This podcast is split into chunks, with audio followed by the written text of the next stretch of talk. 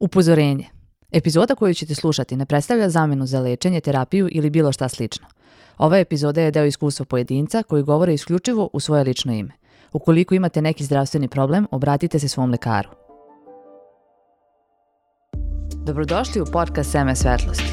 Mesto gde delimo životne iskustva, informacije i konkretne korake o konstruktivnom pronalaženju sebe. Priče su različite, ali je cilj uvek isti – pronaći svoju svrhu i iskusiti život u svoj svojoj punoći. Ako se osjećaš spremno da kreneš ovim putem, posjeti naš Instagram profil seme donja crtice svetlosti. Nego hajde da vidimo da li ćeš baš u ovoj epizodi čuti tu informaciju koja će u tvom životu pokrenuti lavinu pozitivnih promena.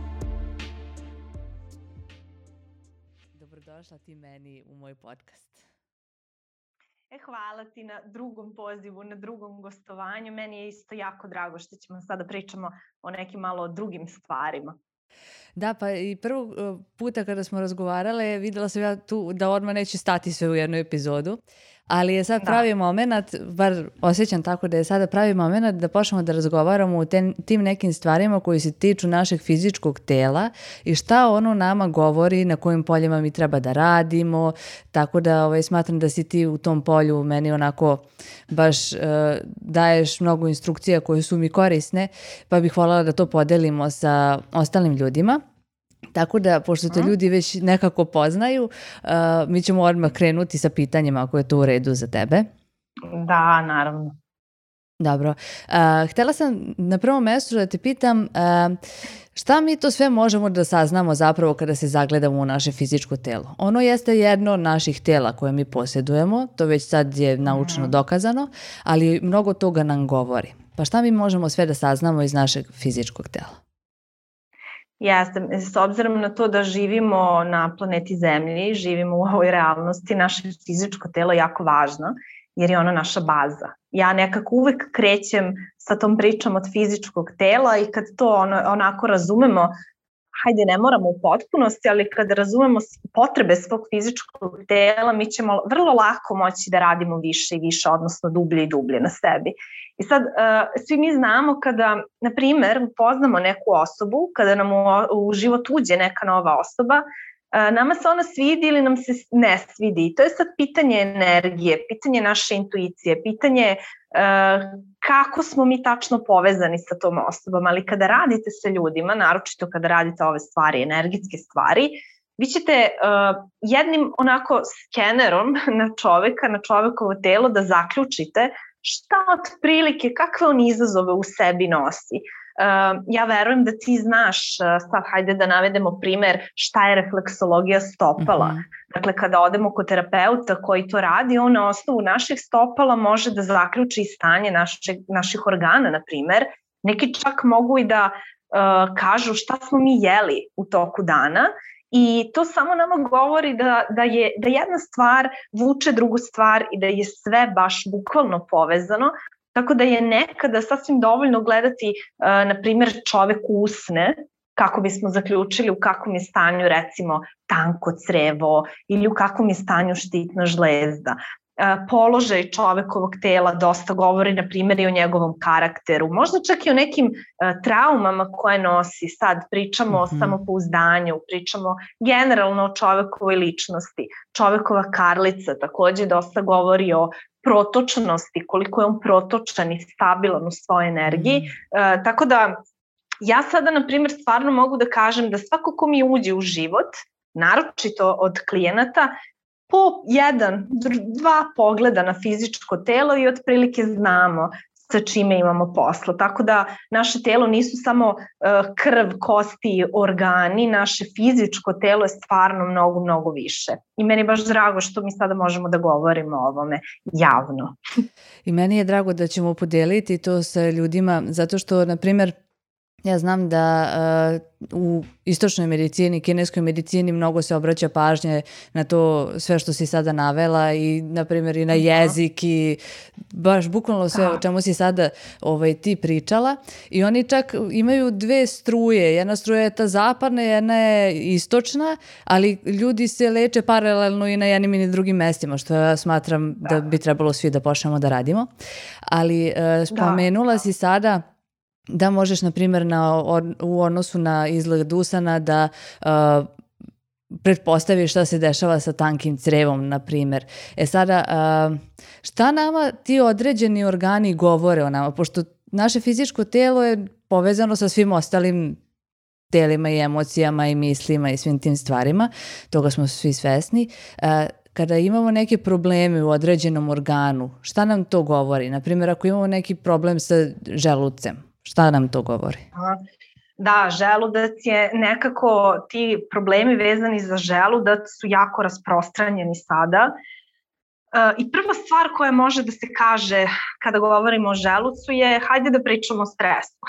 Mi da. živimo stvarno sada u doba pandemije, ali stres je uh, definitivno za mene pandemija 21. veka i stres je nešto što će svaki lekar, na što će svaki lekar da nam skrene pažnju, uh, prosto rečenicom, pa znaš što ti je možda od stresa. I ne možda, nego je u 90% slučajeva sigurno. Naravno, kada smo mi u konstantnom stresu, sad je to jako široka tema, kako se hranimo, kako živimo, kakvi su nam odnosi u kući, sa partnerom, na poslu, sa sobom na kraju krajeva, stres je baš ušao u sva ta polja života, ali negde prvi organ koji nažalost strada kada, je, kada dođemo u stanje stresa, kada smo konstantno u stanju stresa, je definitivno želudac. Želudac je uh, baš je vezan za taj osjećaj brige. Dakle, kada mi stalno brinemo, mi imamo problem sa želucem. Ne. E, onda počinjemo da imamo problem sa varenjem hrane i kada imamo problem sa varenjem hrane, nekako je uvek savet, ja sam to naučila i slušajući Uh, pokojnog Vladetu Jerotića. On je mhm, govorio mm -hmm. da je svaka bolest u suštini psihosomatska. I to jeste tako. Yes, Kada mi imamo problem sa želucem, sa varenjem, mi u stvari imamo problem sa time da li nešto ili nekoga ne možemo da stvarimo u svakodnevnom životu. Koga ili šta ne možemo da varimo. Šta, šta se to tačno dešava pa mi ne možemo da progutamo, ne možemo da varimo. I vrlo interesantna stvar kada je želudac u pitanju je šta se desi kada mi imamo problem sa želucem. Pa naš želudac želi kašastu hranu ne može da podnese hranu koja je tvrda, jel? Mm -hmm. I meni to govori uvek na takođe neki izazov, možda čak i neku traumu koja se desila u detinjstvu.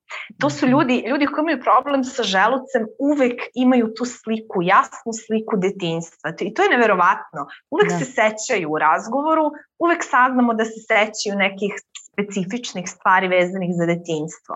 Tako da kada, kada vam u život uđe neko ko ima problem sa želucem, apsolutno ostavljamo sve i radimo sa, sa tim aspektom sebe, sa tim detetom u nama. Da. Da, isto tako da, da ne zaboravim, želudac je uh, ženski organ, to je yin organ i uvek mhm. se radi o tome kako mi nešto primamo. Tako da eto još jedan aspekt, ako neko ima problem sa želucem, uvek bi trebalo da se zapita da, da kako ja primam u životu kompliment, platu, prijateljstvo, neku novu priliku, na primer, bilo da. šta. To je isto jako važno, konkretno za želudac. Fenomenalno, Magdalena, hvala ti puno. Je da. toliko, još hiljadu pitanja mi je palo na pamet, ali je dobro, ajde polako. Um, ako čovjek ima problema sa prekomernom težinom, šta njegovo telo tu njemu govori? Da li imaš možda... I tu isto da. možemo, ja, ja, ja sad ovako intuitivno na prvu, uh -huh. uh, ja o, o tim ljudima mogu dve stvari da kažem. Prva stvar, opet govorim sa tog psihosomatskog aspekta, uh, kada je čovek, uh, kada se goji, Dakle, da. kada već prelazi u neko stanje koje nije njegova, njegovo vitalno stanje, onako telo kako on želi da ima, to ta mast u telu i to salo koje se formira za mene, ja to posmatram kao štit. Mm -hmm. Ja to zaista da, da. posmatram da. kao štit. Dakle, telo se štiti i tu je potrebno uh, malo razlučiti čega čega se mi štitimo. Opet sa druge strane, ako govorimo na primjer o zatrpavanju tela hranom, uvek nešto u sebi hranimo. Recimo ljudi mhm. koji imaju zavisnost od slatkiša, ne mora to da bude zavisnost, ali prosto ne mogu da prestanu da jedu slatkiše, pa šta jedete? Jedete slatkiše, ali tako? Uh, fali vam slatko u životu, odnosno fali vam strast. u životu. Uvek je to negde, uvek dođemo dotle i onda radimo na toj stvari kako da ja osvestim strast, kako da ja privučem, kako da živim strast na kraju. To je isto jako važno. I uh, ono što je meni vrlo interesantno kod ljudi koji, na primjer, imaju prekomernu težinu, jeste to što uvek zaboravljamo, svi negde zaboravljamo tu jednu stvar. Mi znamo da danas živimo u svetu uh, savršenih tela, modela i slično, mada mm -hmm. negde primećujem da se to sada menja, meni baš drago zbog toga, jer meni, vraćamo izuzetno. se sebi, da, ali ljudi koji imaju prekomernu težinu su ljudi koji imaju koji u sebi nose jako veliku moć transformacije. Šta je sa osobom koja, na primjer, za tri meseca izgubi 30 kg? Energetski, to je tako jak potencijal, tako jaka želja za promenom, da mi da. zaista treba tu da sagledamo i sa druge strane. Treba da podržimo te ljude da osveste u sebi taj potencijal promene, odnosno transformacije koje nose. I kada to kažemo čoveku, njemu se zaista promeni perspektiva. Dobije neki novi uvid i krene u taj rad na svom fizičkom telu na jedan potpuno drugi način. Meni je to fenomenalno. Jeste, fenomenalno. Divno, Magdalena, da. hvala ti. Kada govorimo, na primjer, o našim polnim organima, ako tu neki disbalans postoji i kod muškaraca i kod žena, šta nam to govori u našem stanju? Pa isto mnoge stvari. E, ja uvek kažem, postoje te neke stvari koje su činjenice i koje svako ko radi na sličan način priča, priča, mi ponavljamo, iznova ponavljamo, ali svaka osoba je drugačija. Nemamo baš svi mi ista iskustva prošla, nemamo svi iste traume, ali negde kada govorimo o polnim organima, to je uvek pitanje seksualnosti.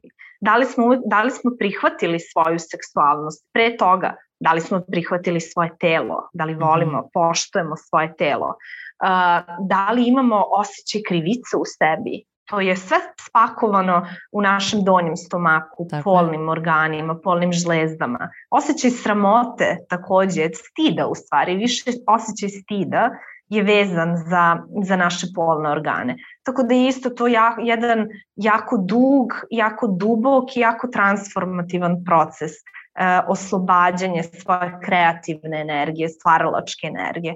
Ako govorimo u pravcu energetske medicine, govorimo o oslobađanju tih blokova energetskih mm -hmm. koje su nastali u tom predelu tela. Ali negde je to uvek pitanje seksualne energije. Da, evo neću još dugo da, da te gnjavim sa ovim, ali pošto smo mi broj jedan u Srbiji po kardiovaskularnim bolestima, moramo spomenuti prosto ako da. imamo problema sa srcem, bilo koji krvni pritisak, bilo šta, šta nam to govori? Srce je uh, organ koji, ajde da krenemo od početka, srce je na centru našeg tela, on je sredina našeg tela i nekako kada se mi predstavljamo, ne moramo da se predstavljamo kada krenemo bilo gde mi se otvorimo da krenemo, dakle naše srce je napred, mi idemo srcem kroz život, hteli to ili ne, srce nas vodi. Tako da je stvarno da. potrebno da, da se setimo, da se setimo uvek toga i kako kažu da slušamo svoje srce. Uh, ja se sećam da sam jednom pročitala, uh, mislim da je Gete to napisao, da je krv stok života.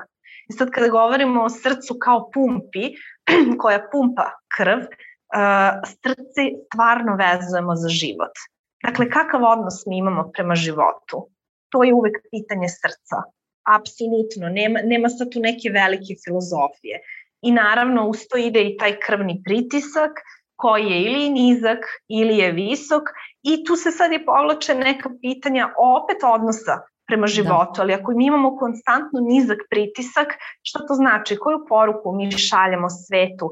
Pa verovatno da ne želimo da uđemo u neki konflikt verovatno ga izbegavamo. S druge strane, nije dobro ni jedno ni drugo. Tako nije je. dobro imati ni nizak, ni previše visok pritisak. Visok pritisak je opet konflikt koji verovatno ne ispoljavamo, ali tinja u nama. Ljudi koji imaju visok, visok pritisak su obično vrlo često besni, vrlo često znaju agresivno da reaguju, crvene im se lice, onako zajapure im se lice, Tako da je uh, za mene i pitanje srca uvek pitanje tog unutrašnjeg konflikta. To mi je nekako jako važno i sam taj odnos koji imamo prema životu, jer kao što sam rekla malo pre krv ta crvena boja u stvari predstavlja naš život. Da. A srce je prvi organ znamo, koji da, nam evo se i da, formira kad Da. smo u maminom stomaku. Jeste, jeste Da. i znamo da srce vezujemo, pa zašto vezujemo srce? Pa za ljubav. Srce uvek vezujemo za ljubav i to je jako važno. Tako da to je, to je negde rad na srcu je za mene u stvari rad na nivou duše. Jer tek kad prođemo te slojeve, mi smo stvarno onda otvoreni za nešto više. Da. I ima, mislim, mi možemo samo da pričamo o srcu Da. tri sata ako treba. Ja, ja sam, pa da. sad trudim ovako na, Da. na blic da izlačim iz sebe sve ono što znam, ali to nije dovoljno. Ali hajde, kada govorimo o srcu, neka, bu, neka pitanje bude kakav odnos imam prema životu. Da li živim iz srca? Vrlo svi mi znamo. pitanje. Da, svi mi znamo da unutar nas postoje dva glasa. Jedan je razum, drugi je srce i ja se stvarno pitam, mislim i ja sam neko ko dugo često, eh, ko jako dugo u stvari nije slušao svoje srce, ali kada poslušamo prvi put, pa drugi put, pa treći put taj glas, stvari se menjaju. Da, život, po, život I što je najbolje, pravi. postajemo onako. zdravi. Da, postajemo pravi, postajemo ispravni u stvari, postajemo ispravni u energiji, uh, tako da živimo iz srca, to je jako važno. Postajemo zdravi na kraju, postajemo zdravi. Da. A, da. Da. li je srce jen ili jan organ? Pa sad neki kažu jedno, neki kažu drugo, ali ja ga vidim kao oba, jer je nekako celovito. Ja ga tako Da. doživljavam, baš mi nema podelu. Neko će više da kaže, znaš, to je yin organ, to je osjećaj, to je ženska energija, ok, slažem se, ali nije on džaba tu gde jeste. Na centru Da. i jedan je. Nije kao plućna krila, Da, da. nije kao bubrezi. Baš je ceo, celo je u stvari. Da. Ove, ove, možda ćemo napraviti neki Instagram live gde ćemo pričati o ostalim organima, ima ih dosta, dosta tu stvari treba da Ima ih dosta, da. da. O, ali sam htjela da malo popričamo i o meridijanima u našem telu. E, ja sam stvarno u posljednje vrijeme imala tu čast i priliku da se družim sa jednom jako finom gospođom, Olgom Rapajić-Nikolić, prekrasna jedna žena sa 89 godina koja je mene uvela u ce, celu priču meridijanu u telu i ja sam imala sam vrtoglavice neke i ono, bukvalno sa par tačaka samo meni rešila to. Veoma sam joj Mhm. zahvalna. E, Pa pošto mislim da ne zna puno ljudi o tome, to jeste ipak nešto što pripada istočnoj alternativnoj medicini, Yes. da malo ih uputimo šta su te meridijani u telu, kako oni funkcionišu, kad se zablokiraju šta se dešava. Da, e, pa dosta, mislim sad, iz moje perspektive dosta i počelo da se govori o tome što je super stvar i negde se uvek ta priča o meridijanima vezuje i za kinesku medicinu. Um, postoje ljudi koji se, koji se onako u užem smislu bave isključivo samo meridijanima, to je super, ili ljudi koji se bave isključivo akupunkturom, Mhm. ali negde ja to stalno pričam, čovek koji se bavi uh, energetskom medicinom prosto mora da poznaje sve tehnike, jer ljudi koji nam dolaze su različiti, njihove potrebe su različite. I tako sam ja sasvim slučajno i upala u celu tu priču o meridijanima tela. I kako sad ljudima da objasnimo šta su meridijani? Naravno, ne možemo da, ne možemo da ih vidimo golim okom, to je činjenica, ali uvek uh, se kaže ljudima, zamislite da kroz vaše telo teku reke. Kao, kao kada posmatrate nervni sistem ili venski sistem, Mhm. zamislite da tu negde između postoje neke reke i ta reka kako ide kroz telo, ona dodiruje različite delove tela, unutrašnjeg tela. Meridijani su u stvari transportni sistem naše energije, predstavljaju čitavu akupunkturnu mrežu. I ako želite da, da vam prorade meridijani u telu, najbolje je da se ode na akupunkturu. To je uvek super tretman i super terapija i vi Jeste. se posle toga osjećate kao ponovo rođeni, da, Da, ta- ali sa druge strane mi Da, sa druge strane to je, to je isto i, za, i o meridijanima možemo da pričamo do preko sutra jer ih ima uh, 12 u telu i svaki ima veze sa nekoliko organa, oni su jako dugi, imaju baš i uh, uticaj na različita stanja, ne samo fizičko telo, ne samo na zdravlje, nego i na naš emotivni deo, na naš mentalni deo. Ali ono što je meni bilo, na primjer, jako zanimljivo kada sam učila o tome je mi znamo da funkcionišemo u, dual, u dualnosti, u svetu koji je oprečan. Imamo pozitivno, imamo negativno. Isto tako u vazduhu postoji pozitivno i negativno na elektrisanje. Isto je tako i u našem telu. E sad, pozitivni joni, dakle to su joni koji se nalaze unutar našeg tela, E, pozitivni ioni imaju katabolički uticaj i oni teku kroz našu desnu stranu. Desnu stranu tog cirkularnog akupunkturnog sistema. Šta to znači? To znači da ti meridijani koji su na našoj desnoj strani u stvari predstavljaju i onaj naš impuls akciju, odnosno muški princip. Sa druge strane imamo anabolični tok, to je, to je leva strana, to je onaj ženski princip i čemu mi težimo u životu, pa mi težimo spajanju. Mi težimo spajanju tog pozitivnog i negativnog, odnosno naše telo teži homeostazi.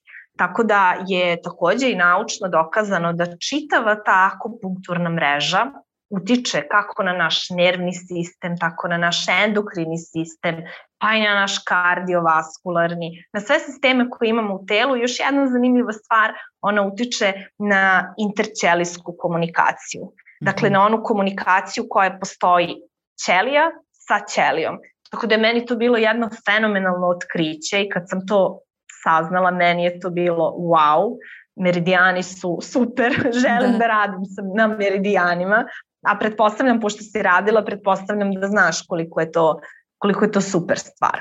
Jeste, vrlo je efikasno, brzo deluje, kad ti da. razumeš, da. ja sam konkretno imala problem sa meridijanom pluća, zato sam imala vrtoglavicu. Uh -huh. Ovaj, uh -huh. Tako da ako neko ima vrtoglavice, eto da znate koji meridijan je u pitanju, koji može biti, yes. vjerojatno može da bude još nešto drugo. U svakom slučaju, uh, radila sam i akupunkturu, Akupunktura je fenomenalna, zaista, posle Jasne, toga se da. osjećaš da. kao da lebdiš, toliko si ispunjen, toliko sve teče, mnogo, mnogo je divno, a, a radila sam i akupresuru, Konkretno sa Olgo sam radila akupresuru, to je isto fenomenalno delo, da. delovalo. Ali u svakom slučaju, da. uh, htela sam da te pitam da li uh, postoje neke energetske tačke koje mi sada možemo da pokažemo. Ja znam da postoje energetske tačke na našim dlanovima koje možemo da, da masiramo, da. pošto su na našim dlanovima i na stopalima bukvalno se nalazi cijelo naše telo, tačke za sve organe i cijelo naše telo. Da li možda imaš neku vežbicu, masažicu, nešto što može da postakne to da naše celokupno telo lepo funkcioniše? Da, da, na, da imam. Imam koliko, sad, sad ću da se setim.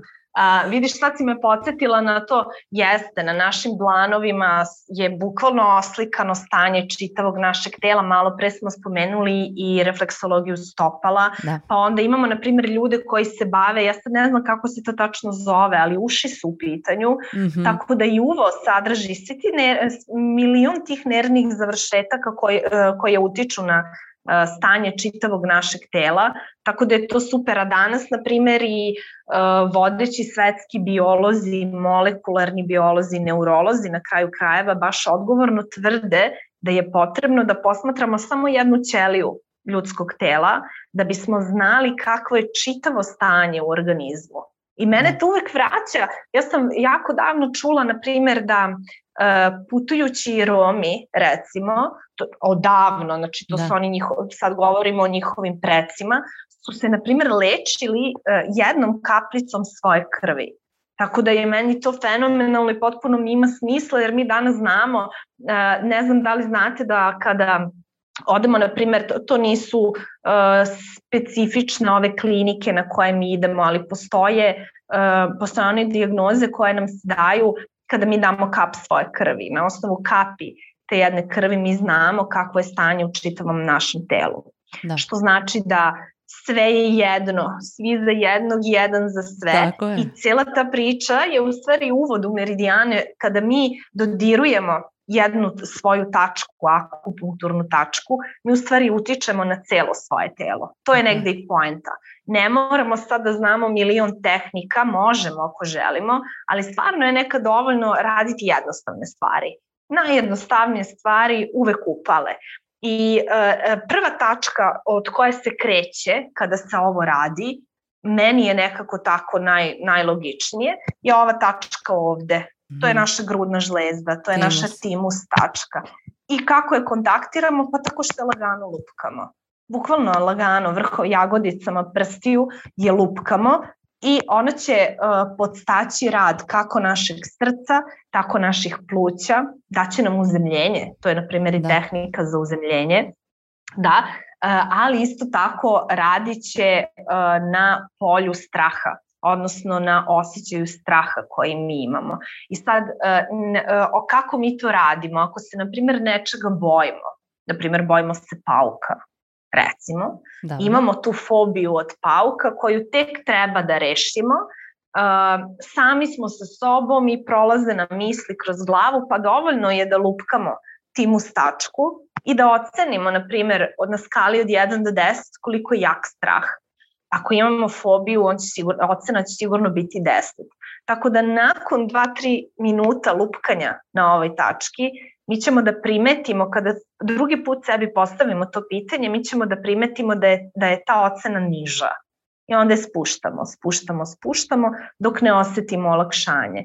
Naravno, u sve to možemo i da koristimo svoj glas, odnosno vokalizaciju, pa ćemo mhm. uvek da kažemo, lupkajući se to radimo simultano, iako osjećam da se plašim pauka, ja duboko prihvatam sebe I taj trenutak, taj spoj govora, to je u stvari neurolingvističko programiranje, što znači da mi koristimo tačku na našem telu, ali govor, e, koristimo i vokalizaciju, koristimo glas. Što da. znači da, da um i telo kreću da sarađuju, mi ulazimo u stanje koherencije i sasvim je logično je da se onda primirimo, da se umirimo. Ne mora da znači da će ta naša fobija ovako da nestane, ali će strah, osjećaj koji mi imamo prema njoj mnogo da se smiri. Dakle, promenit će se stvari. Tako da kada god ljudi imaju prilike, moj je savet uvek, sedi, gledaj film, ne moraš ništa da govoriš, samo lagano lupkaj tačku. Dva, tri minuta lupkaj tim uz tačku i to je to. E, za ovaj period, opet se vraćamo u taj period pandemije, nažalost, ali ova grudna žlezda je zadužena i za proizvodnju te limfocita, -hmm. Tako da imamo jak imunološki odgovor, tako da eto, ako ni zbog čega, hajde da je pomognemo da radi, jer ova žlezda jako brzo stari, jako brzo propada, tako mi starimo, tako da ćemo najbrži način da je oporavimo jeste lagano lupkanje ili lagana masaža, kako je kome lakše. Da. To je, na primjer, jedna stvar.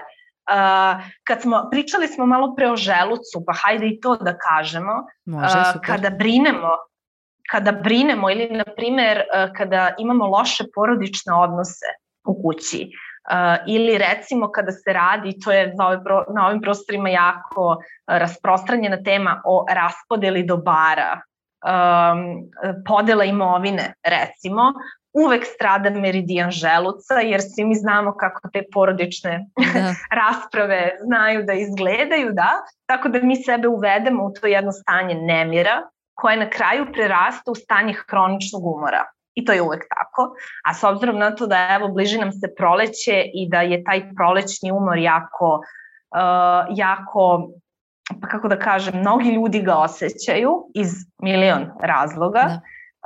To ćemo ublažiti na isti način kao i malo pre, samo što sada nećemo dodirivati timus, nego ćemo dodirivati ovako na polovina našeg oka, ovu tačku ovde na obrazu i laganim lupkanjem, isto 2-3, ako vam je ok 15 minuta, nije važno, mi ćemo umiriti naš meridijan želuca. Tako da, eto, to, to su stvari koje se tiču želuca. Isto tako možemo da govorimo, iako brinem zbog toga da li će mi tata ostaviti stan, ja duboko primer. prihvatam sebe, na primer, da, da na da. primer, e. ja duboko prihvatam sebe, to je da. jako važno. Ne, ali sada ozbiljno, taj da. trenutak prihvatanja Sad sam je da kažem, okidač, da.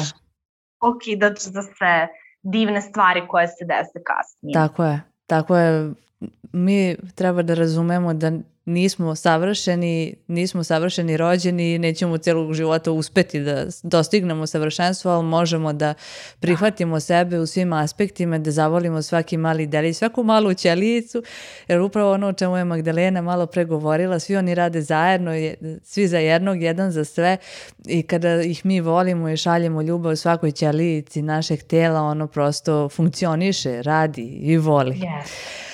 Um, yes neki stresovi, pošto sam imala priliku sa Magdalenom da radim um, terapiju sa unutrašnjim detetom koja je meni bila izuzetno prijatna, topla preporuka za sve. Da. Htela sam samo da uh, kažem kako mi je bilo jako čudno da može da se iz neke blokade koje mi osjećamo u našem telu, nekog čvorića, neke napetosti u našem telu, da mi možemo da, da se vratimo u moment kada je to nešto nastalo i u, definitivno svi imamo nešto što vučemo iz detinstva, nijedan roditelj nije savršen koliko god da oni sve radi iz ljubavi. Jeste, da. Da. E, da li ti stresovi i traume iz našeg detinstva mogu da stvore neke veće blokade, manje blokade, kako da ih otklonimo otprilike? E, da, da, svi ti stresovi iz detinjstva mogu naravno da stvaraju sve vrste blokada i energetske i fizičke na kraju i jako teška zdravstvena stanja. Da. Uh, ono što je meni bilo interesantno, uh, slušala sam uh, jednog neurologa mislim da je čovek neurolog koji je postavio pitanje, držao je neko predavanje i postavio je pitanje koliko godina ima najstarija osoba na svetu. Mm -hmm. Ljudi su lupali, pričali sve i svašta, ali odgovor je bio sedam. I to je tako iz dva razloga. Prvi razlog je što, što se naše fizičko telo na ćelijskom nivou, sad govorimo i o regeneraciji organa, o regeneraciji naše jetre, uh, bukvalno menja na sedam godina. To je nekako taj period, ciklus od sedam godina mhm. koji se ponavlja. I mi smo u svakom ciklusu, tom sedmogodišnjem, sve stariji i stariji i stariji, ali sa druge strane, sve ono što se u našem životu desilo do naše sedme godine eh, je obeležilo naš život. I šta je sve ono nakon? Kada uđemo u osmu godinu, mi smo zapravo ušli u ponavljanje. Sve mhm. ono što smo pokazali detetu za tih sedam godina je bukvalno ono što je ono primilo u sebe i po tim nekim paternima i šablonima će da nastavi da živi. Tako da um, svaka, svaki uh, negativan osjećaj, na primer napad panike, anksioznost, uh, problem sa štitnom žlezdom, kancer, um, bukvalno bilo koji problem, kao što si malo pre rekla, imam čvorić u telu koji nosim godinama i ne znam šta da mu radim, Tako. može da nas uvede u sećanje u tom u prvom sedmogodišnjem periodu života. Uh, tada se obično i povezuju stvari. Mi se bukvalno, kako ja to volim da kažem, vratimo u prošlost, iscelimo sve lepo tamo i vratimo sebi sad jedan novi deo. Ono što je jako e, interesantno kod ovog procesa je činjenica da radeći ga, radeći ga na ovaj način, kao vid psihosomatske terapije, e, mi se u stvari oslobađamo traume zauvek. I to, to je, je stvarno istina. tako. Da. Trauma da. više ne postoji u našem fizičkom telu, ali je nema više ni u onom auričnom. Dakle, ne postoji, izbacili smo je iz svog polja. Tako da, kada mene ljudi pitaju šta je ono što je tebi spasilo život. Na kraju ja, ja tako uvek volim da kažem da nije to grada sa unutrašnjim detetom, pa ne znam gde bih bila danas sada. Tako da je meni to jako važno i verujem da svim ljudima treba da bude važno. Da, ja se slažem sa tobom koliko sam uspela na sebi da, da primetim, jer volim da govorim iz ličnog iskustva, volim da probam razne stvari i onda da prenosim to dalje da. ljudima. Definitivno proces unutrašnjim detetom, kada vi dođete u kontakt sa vašim unutrašnjim detetom i kada vidite da ste ga jako dugo zanemarivali i da mu niste pružili ljubav, da uopšte niste bili svesni da je ono tu iz nekog razloga. Mi tokom života zaboravimo da je ono sve vreme tu i da yeah. komunicira sa nama prvo što sam osjetila, sam osjetila jako veliku tugu. To moram da priznam. Zaista mi je bilo tužno što, što sam zaboravila na malo sebe. Ali e, posle tokom procesa kada nađemo tu blokadicu, kad je otklonimo, ona zaista nestaje zauvek. To, tako je moje iskustvo, A. barem. I ja bih svakome da, ko, da. ko želi da se oslobodi možda nečega što ima jako veliki spazam u ramenima, konstantan ili neki bol u kolenu, šta god daje, to je verovatno se prekopiralo, što kaže Magdalena. Iz tog prvog ciklusa da. nastavilo da se kopira dalje. Tako, hvala ti Magdalena mnogo, mnogo na svemu. Je, da. ne, nema na čemu, nema. Ne, samo sam htela da dodam, mnogo je stvarno Slobodno zanimljivih reći. priča sa, sa unutrašnjim detetom. E, naj, najsvežija mi je priča o devojci koja studira i koja konstantno pada ispit. Ali taj pad, e, suština njenog dolaska kod mene je pad. Sama reč pad koju je ona osvestila tek kasnije kada čovek studira i kada pada ispit, njemu pada i samopouzdanje, e, njemu pada i volja i motivacija, e, pita se dobro e, zašto ja ne mogu da položim ovo, da li sam ja normalan ili normala, da li sam ja glup ili glupa i tokom njenog procesa se, smo došli do jedne situacije kada je ona kao jako mala pala sa tobogana i mama i tata samo na sekundu nisu pogledali. I to u stvari želim da kažem. Ona je imala super detinjstvo, ona je imala fenomenalne roditelje, ali oni su na sekundu skrenuli pogled, ona je pala sa tobogana, oni nisu ni videli šta se desilo, ali to je bilo dovoljno jako, taj strah, taj, ta nemoć, taj pad je u stvari za nju da. bio tako snažno iskustvo da je pratilo kroz čitav život. Nije tu dete krivo, nisu to roditelji krivi, tako to se je. prosto desilo je, tako da, kako život. se desilo. Da, ali je poenta da možemo da radimo na tome. Poenta je da možemo da odblokiramo te stvari. I ono mm. što sam isto htela da dodam da ljudi ne shvate pogrešno, mi nemamo samo jedno unutrašnje dete u sebi. Imamo ih mnogo i mi to zovemo unutrašnje dete i to jeste unutrašnje dete, ali su isto tako i fraktali. U stvari to su ostaci naše svesti, to je naša svest. I ono što, šta mi radimo u tom procesu, mi se vraćamo da pokupimo tu svest nazad, da je vratimo sebi. Kako ja to volim da kažem, uh, idemo da skupljamo delove naše duše. Da. I to je negde istina. Jeste istina, da. divno, divno Magdalena. Super, hvala ti mnogo na razgovoru. I hvala ti što si podijelila sve ove zanimljive informacije sa nama. Morat ćemo da pravimo još emisije, šta da ti kažem. Imam još milion pitanja, a ne bih, da, ne bih da. sada da dužimo. Ovaj, reci, molim te ljudima gde mogu da te pronađu ako žele da dođu da rade sa svojim unutrašnjim detetom ili bilo što drugo što ti Sa svojim unutrašnjim detetom ili ako žele da rade energetske tretmane. Ja se sećam, uh, pa ne znam sad kada smo mi snimali, neka bude pre šest meseci, kada da. smo mi snimali onaj prvi, uh, prvu epizodu, Uh, ja sam izgovorila, pa da, ja ću sada da imam svoj YouTube kanal i tako dalje i tako dalje. Ništa se od toga nije desilo. tako da sam, tako da eto, da. Uh, tako da sam ostala samo na Instagramu za sada. Moj Instagram, Instagram profil je Magdalena Pert, tako da eto tu mogu ljudi da me nađu. Tu sam. Da. Za sada neću da obećam vam ništa, videla si kako je ispalo prošli. Da. E, tu sam, za sada sam tu. da. Pored svega do, dobro što je ovaj podcast donao u mom životu, definitivno sam srećna što mi je donao ovako prekrasne ljude kao što je Magdalena i Marija i puno njih koje sada već onako osjećam ko da su mi prijatelji, ko da se znamo celog života. E, da, u svakom da. slučaju da. sve, sve informacije o Magdaleninom profilu i o mom profilu naći ćete dole. Ostavit ćemo u opisu ovog videa. A, Magdalena, hvala ti još jednom mnogo što si ponovo bila gost u mom podcastu. Imaće još. Nastavit će se. Hvala. Hvala tebi što si me pozvala i tu sam, da, tu sam uvek da širimo znanje. Tako je.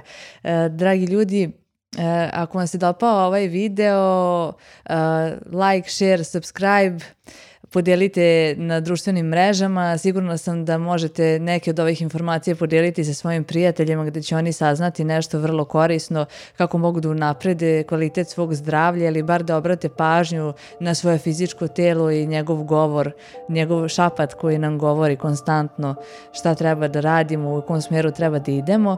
I do sledećeg puta, do sledeće neke zanimljive priče, vidimo se. Pozdrav! Vidimo se i čujemo sledećom prilikom sa novim zanimljivim informacijama o tome kako da poboljšate kvalitet svog života, a time pomognete sebi i drugima. Do tada zapratite našu Facebook stranicu Seme svetlosti i Instagram profil at seme donja crtica svetlosti gde se trudimo da prikažemo sve lepote svakodnevnog života. Ukoliko imate bilo kakva pitanja, predloge ili sugestije, pišite.